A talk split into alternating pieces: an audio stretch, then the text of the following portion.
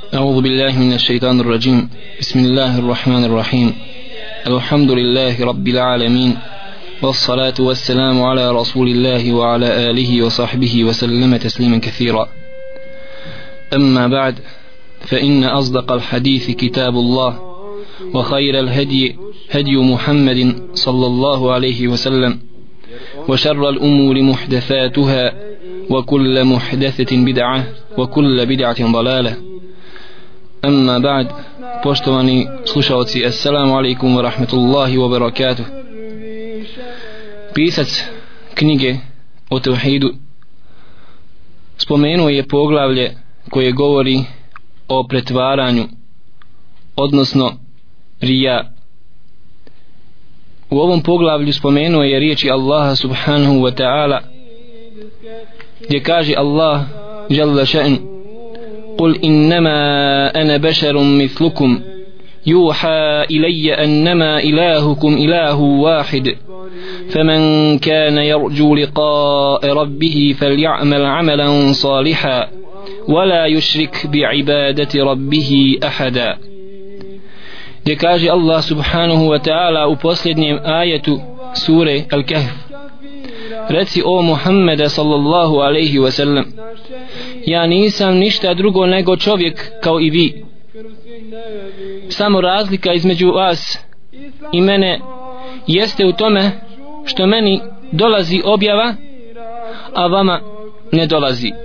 To je jedina razlika između mene kao poslanika i vas kao sljedbenika mojih. I reci o Muhammeda sallallahu alaihi wasallam da vaš gospodar koji zaslužuje da biva jedino obožavan jeste jedan Allah. Pa ko želi da susretne svoga gospodara neka radi dobra djela i neka u ibadetu u obožavanju Allaha subhanahu wa ta'ala ne čini širk neka mu ništa ravnim ne smatra. U ovom kuranskom ajetu Allah subhanahu wa ta'ala je obavijestio vjernike da rade dobra djela ako žele susret sa Allahom subhanahu wa ta'ala. Draga braćo i sestre svaki rob bio vjernik ili nevjernik će se susresti sa Allahom jalla še'nu. Međutim ovaj susret je općenit i podjednako je isti i za vjernike i za nevjernike.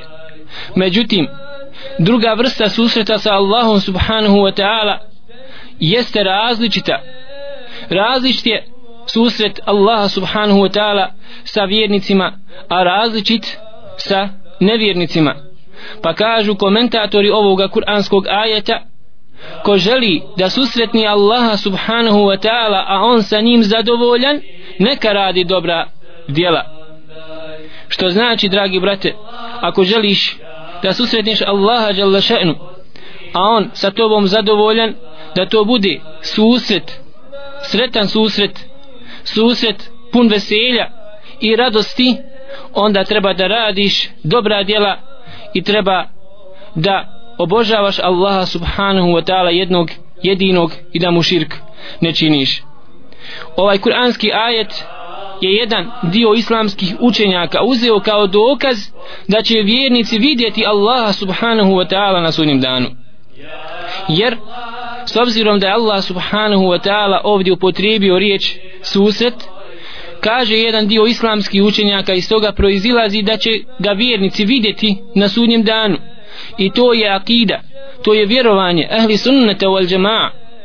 Vjerovanje ispravnih naših prethodnika Allahu poslanika Muhammeda sallallahu alaihi wa sallam na prvom mjestu zatim generacija ashaba tabiina i etbao tabiina i to je ono što je imam Tahavi rahmetullahi alaihi spomenu u svojoj poznatoj Tahavinoj poslanici Tahavinoj akidi gdje je rekao والرؤية حق لأهل الجنة بغير إحاطة ولا كيفية كما نطق به كتاب ربنا وجوه يومئذ ناظرة إلى ربها ناظرة kaže imam i Tahavi u svojoj poslanici viđenje Allaha subhanahu wa ta'ala je hak, istina da će ga vidjeti stanovnici dženneta a iz tog viđenja Allaha subhanahu wa ta'ala ne proizilazi da će ga vjernici ograničiti svojim pogledom i vjerujemo da ćemo ga vidjeti bez pojašnjenja kako na koji način? Kao što kaže Allah subhanahu wa ta'ala u svojoj plemenitoj knjizi وجوه yawma idhin nadira ila rabbiha da toga dana na sudnjem danu lisa vjernika će biti blistava, ozarena, sjajna u svoga gospodara. Ona će gledati ovaj kuranski ajet nedvosmisleno upućuje na to da će vjernici vidjeti i gledati i naslađivati se sa gledanjem u lice Allaha subhanahu wa ta'ala. Također rekao je Allah subhanahu wa ta'ala kalla innahum an rabbihim yawma idhin lamahjubun. Oni nevjernici na sunjem danu biće zaštićeni od pogleda u Allaha subhanahu wa ta'ala. Biće između njih i Allaha subhanahu wa ta'ala zastor perda što znači da neće moći vidjeti Allaha jalla še'nu na vjernici pa je ovaj kuranski ajet upotrijebio imam Šafija rahmetullahi alaih i još neki drugi islamski učenjaci da će biti skupina vjernika odnosno da će biti skupina oni koji će vidjeti Allah subhanahu wa ta'ala. Jer ako je ovdje Allah subhanahu wa ta'ala zanegirao nevjernicima viđenje Allaha jalla še'nu iz toga analogno tome proizilazi da će vjernici zaista vidjeti Allaha subhanahu wa ta'ala. Također rekao je Allah subhanahu wa ta'ala lahum ma yasha'una fiha wa ladayna mazid. Oni stanovnici dženneta. Imaće u džennetu šta god poželi. I još više od toga.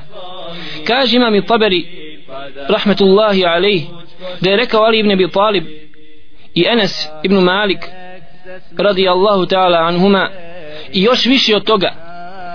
Mimo mnogobrojnih užitaka u džennetu da će imati još više od toga kažu njih dvojica da im se Allah subhanahu wa ta'ala smiluje da se to podrazumijeva gledanje u lice Allaha subhanahu wa ta'ala lice koje nije ničemu slično.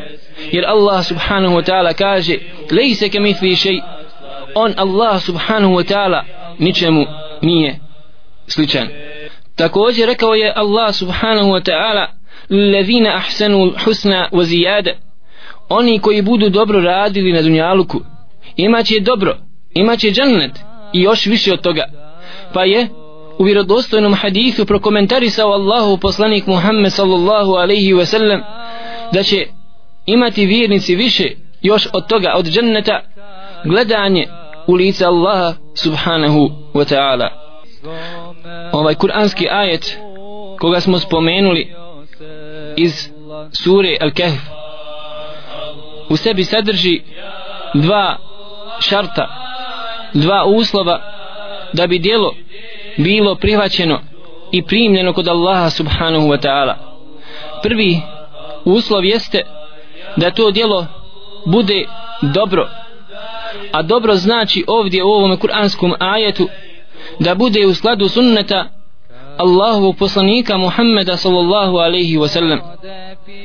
Jer kaže Allahu poslanik sallallahu alaihi wa sallam men amila amalan ليس عليه أمرنا فهو رد وحديث عائشة رضي الله تعالى عنها da je Allahu poslanik sallallahu alaihi wa sallam rekao ko bude uradio neko djelo koje nije od naše vjere nije na onakav način kako je to uradio Allahu poslanik sallallahu alaihi wa sallam to djelo se ne prima i to je prokomentarisao i Fudail ibn Ayyad rahmetullahi alejhi u komentaru riječi Allaha subhanahu wa ta'ala li jebluvekum ayyukum ahsanu amala.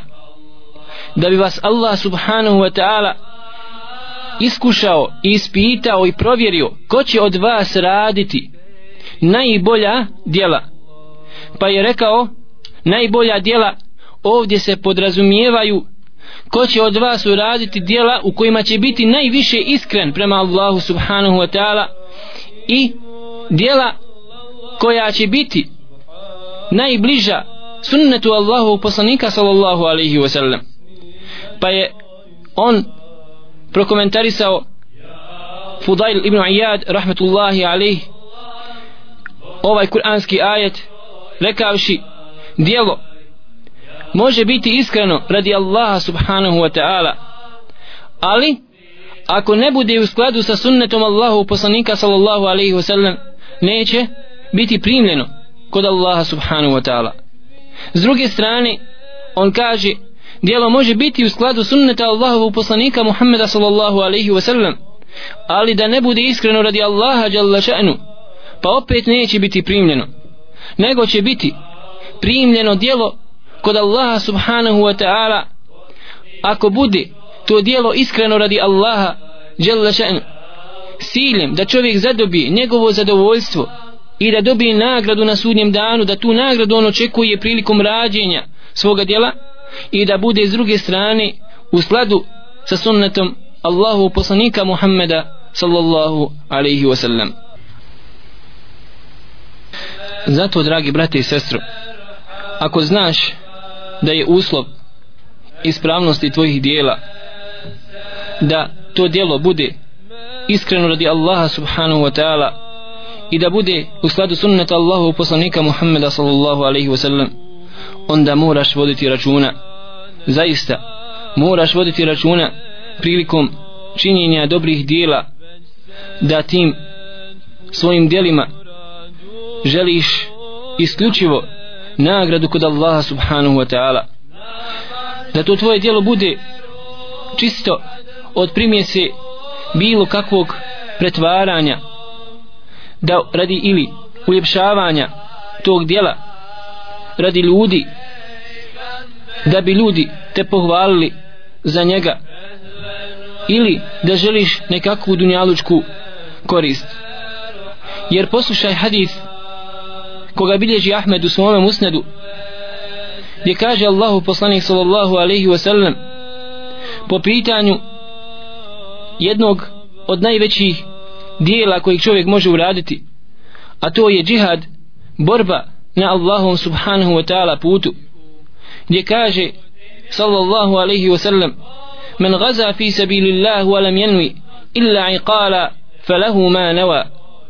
Ko bude se zaputio u borbu na Allahom putu pa tom borbom želi da zadobije plin neće imati nikakvu nagradu osim ono što je zanijetio. Jer nije prečistio taj, to veliko djelo koji se zove džihad na Allahu subhanahu wa ta'ala putu. Nije ga zanijetio isključivo radi uzdizanja Allahove subhanahu wa ta'ala riječi kako to hoće Allah jalla še'nu. Takođe došle su mnogi prijetnje od strane Allahu poslanika sallallahu alaihi wa sallam po pitanju oni ljudi koji žele ugled svojim dijelima poput dijeljenja na Allahom subhanahu wa ta'ala putu ili učenja Kur'ana ili neki drugi stvari. Tako je došao hadis koga bilježi imam i muslim u svome sahihu da prvi kojome će biti s kome će biti izvršen obračun na sudnjem danu jeste čovjek koji je krenuo u borbu na Allahovom putu i poginuo na njoj na tom putu pa kada ga bude Allah subhanahu wa ta'ala proživio bit će upitan šta si želio tom svojom borbom koji ti je nijet bio. Da li je ti bio nijet iskren radi Allaha subhanahu wa ta'ala ili nešto drugo? Pa će odgovoriti da mu je bio nijet uzdizanje Allahove subhanahu wa ta'ala riječi. Pa će mu reći Allah subhanahu wa ta'ala kezebt lažeš. Borio si se da bi ljudi rekli da si hrabar. I bilo je rečeno ljudi su govorili na Dunjaluku da si hrabar pa će biti povučen za noge tako da će licem svojim biti dole okrenut i tako strmoglavljen u džahannamsku vatru. I kaže Allahu poslani sallallahu alaihi wasallam i bit će čovjek rođulun ta'allama ilma wa allama wa qara al-Quran. Čovjek koji je tražio znanje izučavao islam i šerijatske znanosti i učio Kur'an, hafiz Kur'ana pa će biti doveden na sudnji dan pa će biti mu rečeno fema amilte fiha šta si uradio sa tim svojim znanjem i sa svojim Kur'anom koga si nosio u srcu kao hafiz i čuvar Kur'ana? Pa će reći ta'allamtu l'ilme wa 'allamtu wa qara'tu l'Kur'ana fik ja sam učio i podučavao sam druge širio sam to svoje znanje i učio sam Kur'an iskreno radi tebe. Međutim Allah subhanahu wa ta'ala će mu reći kedebt lažeš. Nego si učio znanje i Kur'an da bi ljudi rekli kako si učen i kako si karija veliki učenjak i znalac kuranskih znanosti i to je bilo rečeno. Dobio si ono što si imao nijet. Ljudi su govorili kako si ti učenjak kako si ti karija učač Kur'ana. I takođe i on će biti strmoglavljen u džahannamsku vatru.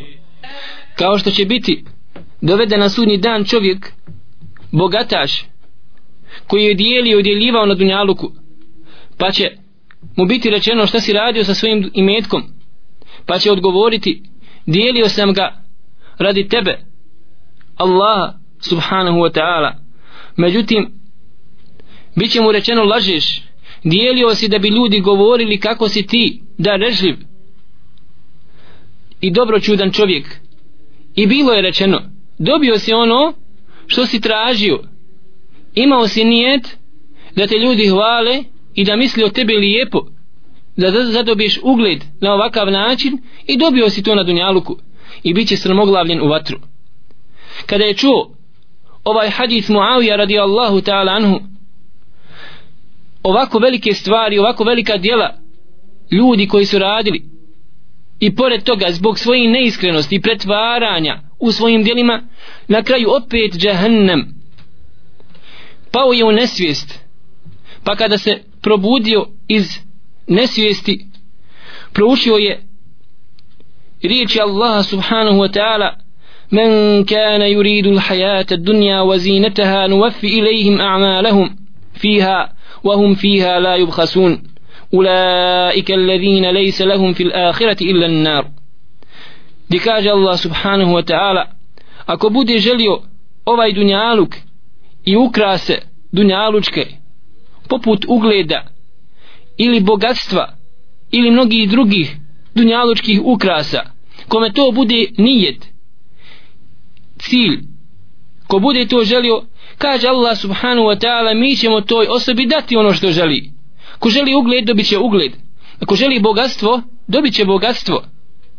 Ali na sudnjem danu na ahiretu kaže Allah subhanahu wa ta'ala lejsa lahum fil ahireti illa nar neće imati ništa drugo osim vatre. Pa vidi dragi brate i sestro kolika djela su ovi ljudi uradili ali i pored toga pored ogromnih dijela pored tako velikih dijela na kraju opet su zaslužili vatru. Zaslužili su džahnem zbog čega? Zbog toga što nisu bili iskreni što nisu radili svoja djela isključivo radi Allaha subhanahu wa ta'ala. Zato možda djelo bude malo ali zbog veličine nijeta u njegovom srcu u čovjekovom srcu može dostići velike stepene dženneta. Zar nije Allah subhanahu wa ta'ala zbog tako malog djela uveo ženu od Benu Israila u džennet odnosno oprostio joj grije oprostio joj je blud kako je došao vjerodostojan hadith zbog toga što je napojila žednog psa. Ali s druge strane zbog malog djela zbog velikog djela ovakvog kada je čovjek bio neizgledi Allaha subhanahu wa ta'ala i pretvarao se i radio djelo radi nekih drugih čeifova i nijeta i želja na kraju je završio u džahannemu došao je hadith od Ebu Hureyre radi Allahu ta'ala anhu da Allahu poslanik sallallahu alaihi wa sallam rekao men ta'allama ilman mimma yubtaga bihi wajhu Allah la yata'allamuhu illa li yusiba bihi arada min ad-dunya lem jeđid arfel dženne jeumel yawm al-qiyamah ko bude tražio znanje šerijasko znanje koje se mora tražiti isključivo radi Allaha subhanahu wa ta'ala. Ko bude tražio šerijatsko znanje radi toga da bi zadobio nekakvu dunjalučku korist bilo da se radi o materijalnoj koristi ili ugledu i počasti kaže Allahu poslanik sallallahu alaihi ve sellem neće taj čovjek osjetiti ni miris dženneta na sudnjem danu zato što njegov nijet zato što njegova želja u srcu nije bila ahiret nije bila želja za ahiretom i za džennetom nego je bila vezana za dunjaluk pa je bila nagrada odnosno kazna shodno onome što je čovjek i želio. Od osobina vjernika u Allaha subhanahu wa ta'ala jeste da oni rade svoja djela isključivo radi Allaha subhanahu wa ta'ala. Za razliku od osobina munafika licemira koji u svojim djelima se pretvaraju ali u srcu imaju sasvim nešto drugo oni rade svoja djela radi toga da bi ih ljudi vidjeli kako kaže Allah subhanahu wa ta'ala opisujući munafike licemirje وإذا قاموا إلى الصلاة قاموا كسالا يراءون الناس ولا يذكرون الله إلا قليلا i kada munafici ustanu da obave namaz oni ustaju na namaz lijeno na taj način oni samo se pretvaraju među ljudima da bi pokazali ljudima da oni klanjaju a u stvari oni ne spominju Allaha subhanahu wa ta'ala osim malo. Zato dragi brate i sestro kada želiš da uradiš neko dobro djelo poput obavljanja namaza nastoj da ustaješ žustro i odlučno na namaz i nemoj biti lijen jer vidimo da je jedno od osobina licemira da oni lijeno ustaju da obavljaju namaz i općenito bilo koji drugi ibadet neodlični, neodlučni su u njemu jer to ne radi radi Allaha subhanahu wa ta'ala nego rade radi nekakvog dunjalučkog šićara nekakve dunjalučke koristi. Ova iskrenost potrebna je u svim ibadetima ne samo u namazu.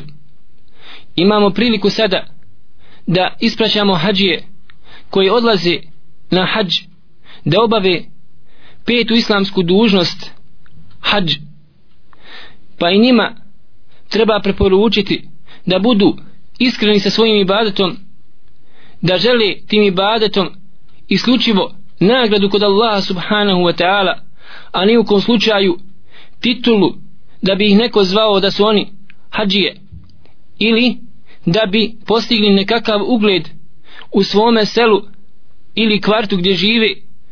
Jer vjerujte draga braćo i sestre vidjeli smo ljude koji nisu ni krenuli na hađ a već su tražili hađijske kape gdje nisu mogli zamisliti da se vrate sa hađa bez hađijske Ahmedije jer kažu kako ćemo se vratiti a da ne budu ljudi vidjeli da smo mi bili na hađu i da se prepoznajemo na takav način bilo za Bajram namaz ili za džumu ili preko teravih namaza. Zato mi ne želimo da optužimo ove ljude da su oni imali ovakav ili onakav nijet jer nijet ne zna niko osim Allaha subhanahu wa ta'ala. Ali postoji određeni znakovi koji upućuju na to da čovjek kada želi da se čuje i pročuje za njega da je obavio određeni ibadet i razglašava na sve strane kako je on taj i taj ili uradio to i to djelo. Treba čovjek da zna da to vrlo lako može biti opasno i klizavo područje gdje mu se može prevrnuti stopalo i pasti i poništiti potpuno svoje djelo. Jer su prijašnje generacije skrivale svoja djela skrivale su svoje noćne namaze svoje ibadete svoju sadaku. Zainul Abidin poznati učenjak je svako veće nosio po ulicama Medini po kućama gdje su stanovali siromašni nosio je po vreću brašna i određene druge namirnice. Međutim čitavog njegovog života nisu mogli da saznaju ti siromasi koji im je ostavljao pred vrata te namirnice. Tek kada je umro saznali su da je u, u stvari on Zainul Abidin bio taj koji im je donosio jer sa njegovom smrću prestao je dolaziti taj dobročinitelj. Kao što su našli na njegovom na njegovom ramenu na njegovim plećama plećima ožiljak koji je zadobio noseći vreće dijeleći siromašnim. Ovako oni koji želi ugled kod Allaha subhanahu wa ta'ala koji želi ahiret koji želi onaj svijet oni ovako na ovakav način postupaju. Oni skrivaju svoje ibadete. Oni skrivaju svoju sadaku. Oni dijeli kako je Allahu poslanik sallallahu alaihi ve sellem opisao u hadithu koga bilježi imam i muslim da daju desnicom tako da ne zna njihova ljevica šta je udjelila desnica. Jer oni žele da to nađu kod Allaha subhanahu wa ta'ala na ahiretu a ne da bi ih ljudi pohvalili i da bi ljudi upirali prstom i da bi se pričalo o njima na mimberima ili na sjelima kako su oni uradili to i to kako je ovaj napravio džamiju kako je onaj podigao česmu i tako dalje i tako dalje. Međutim draga braćo i sestre ako čovjek uradi neko dobro djelo i pokuša ga skriti pokuša ga uraditi isključivo radi Allaha subhanahu wa ta'ala i prečisti svoj nijet. Pa kasnije neko otkrije to ili ga zatekne dok samo to djelo čini pa ga nakon što ga uradi pohvali. U tome nema problema pa čak i da se obveseli tome što ga je neko pohvalio za nešto što je uradio nakon što je uradio jer kaže Allahu poslanik sallallahu alaihi wa sallam za ovakvu situaciju tilke ađilu bušral mu'min. To je radosna vijest koja je došla od Allaha subhanahu wa ta'ala tome robu jer je to dokaz da je to dobro djelo i da je već primljeno kod Allaha subhanahu wa ta'ala gdje on na takav način obraduje svoga roba. Zato je Allah poslanik sallallahu alaihi wa sallam opisao čovjeka vjernika da je čovjek vjernik men srrathu hasanatu wa sa'at sayiatu fa zalika al mu'min koga veseli njegova dobra djela. Ako ga rastužuju njegova loša djela to je kaže Allah poslanik sallallahu alejhi ve sellem fa zalika al mu'min to je osobina vjernika potpunog imana koji se veseli svojim dobrim djelima i raduje a s druge strane žalosti zbog svojih loših dijela. Spominje Ibn Taymiye rahmetullahi alaih da je poznati učenjak Abu Hamid al-Ghazali da mu se Allah subhanahu wa ta'ala smiluje. Čuo da onaj ko bude iskren radi Allaha subhanahu wa ta'ala 40 dana da će mu Allah dati mudrost iskrenost u srce gdje mu očistiti srce i podariti mudrost.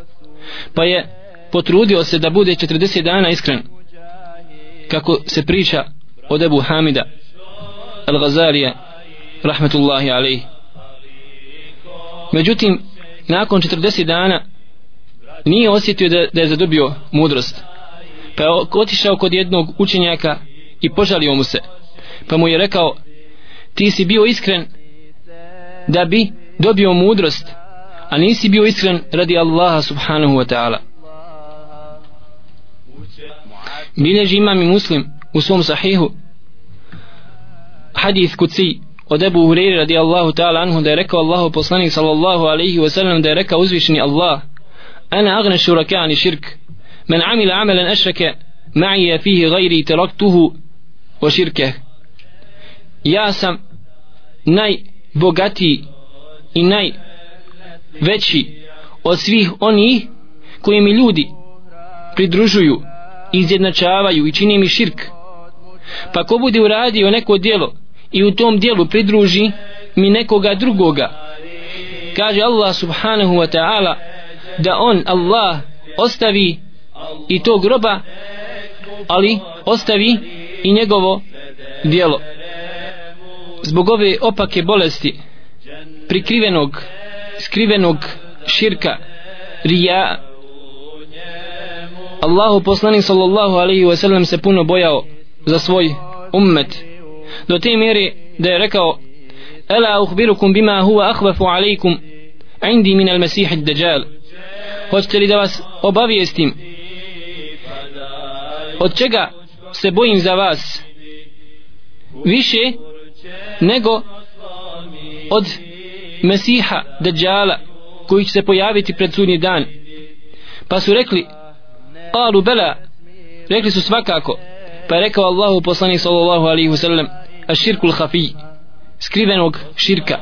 To je ono zašto se bojim od čega se bojim za vas više nego od deđala.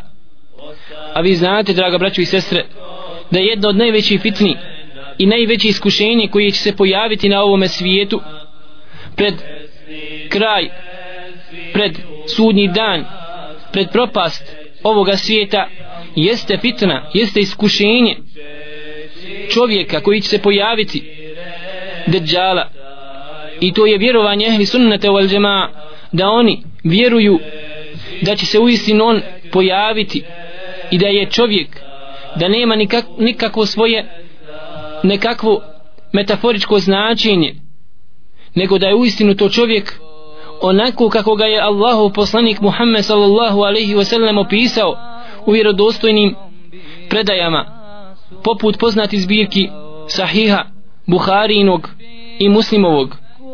Tako biva obavezu, obaveza čovjeku vjerniku i vjernici da vjeruju u tu stvar u pojavu Mesiha Dajjala do te mjere da je Allahu poslanik sallallahu alaihi wasallam se znao uticati na zadnjem sjedenju na tešahudu nakon što bi proučio etehijatu, salavate i dovu, znao se uticati Allahu poslani sallallahu alaihi wasallam Allahu jalla še'nu tražiti utočište od ove velike fitne od ovog velikog iskušenja koji se pojaviti a koji se zove Al-Masih Ad-Dajjal međutim i pored tako velike fitne Mesiha Dajjala Allahu poslani sallallahu alaihi wasallam se još više bojao za svoj ummet od ovog prikrivenog širka skrivenog širka odnosno pretvaranja rija gdje kaže Allah poslanik sallallahu alaihi wasallam definišući odnosno navodići primjer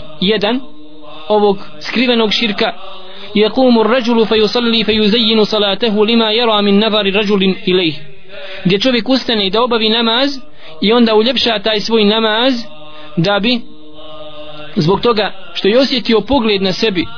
Osjetio je da ga neko gleda kako on klanja pa je onda uljepšao taj svoj namaz zbog okruženja u kojem se nalazi zbog toga što je osjetio da ga neko posmatra tu negdje oko njega. Molim uzvišnog Allaha subhanahu wa ta'ala dovom Allahovog poslanika sallallahu alaihi wa sallam kojom se on uticao od širka Allahumma inna na'udhu bika an نشرك bika shay'an نعلمه wa nastaghfiruka lima la Gospodaru naš Allahu utičemo ti se i tražimo zaštitu kod tebe da ti ne uradimo nešto od širka. Svejedno da li znali da je to širk ili da to uradimo iz neznanja i tražimo oprosta od tebe za takvo nešto ako bi eventualno učinili. Molim uzvišnog Allaha subhanahu wa ta'ala da oprosti grijehe svima nama da oprosti grijehe svim muslimanima i muslimankama živim i umrlim koji su umrli sa la ilaha illallah Muhammedur Rasulullah. Ono što čovjek pogodi jeste od Allaha subhanahu wa ta'ala a ono što pogriješi jeste od šeitana i od njega samoga. Allah subhanahu wa ta'ala najbolje zna. أقول قولي هذا وأستغفر الله لي ولكم ولسائر المؤمنين فاستغفروه إنه هو الغفور الرحيم.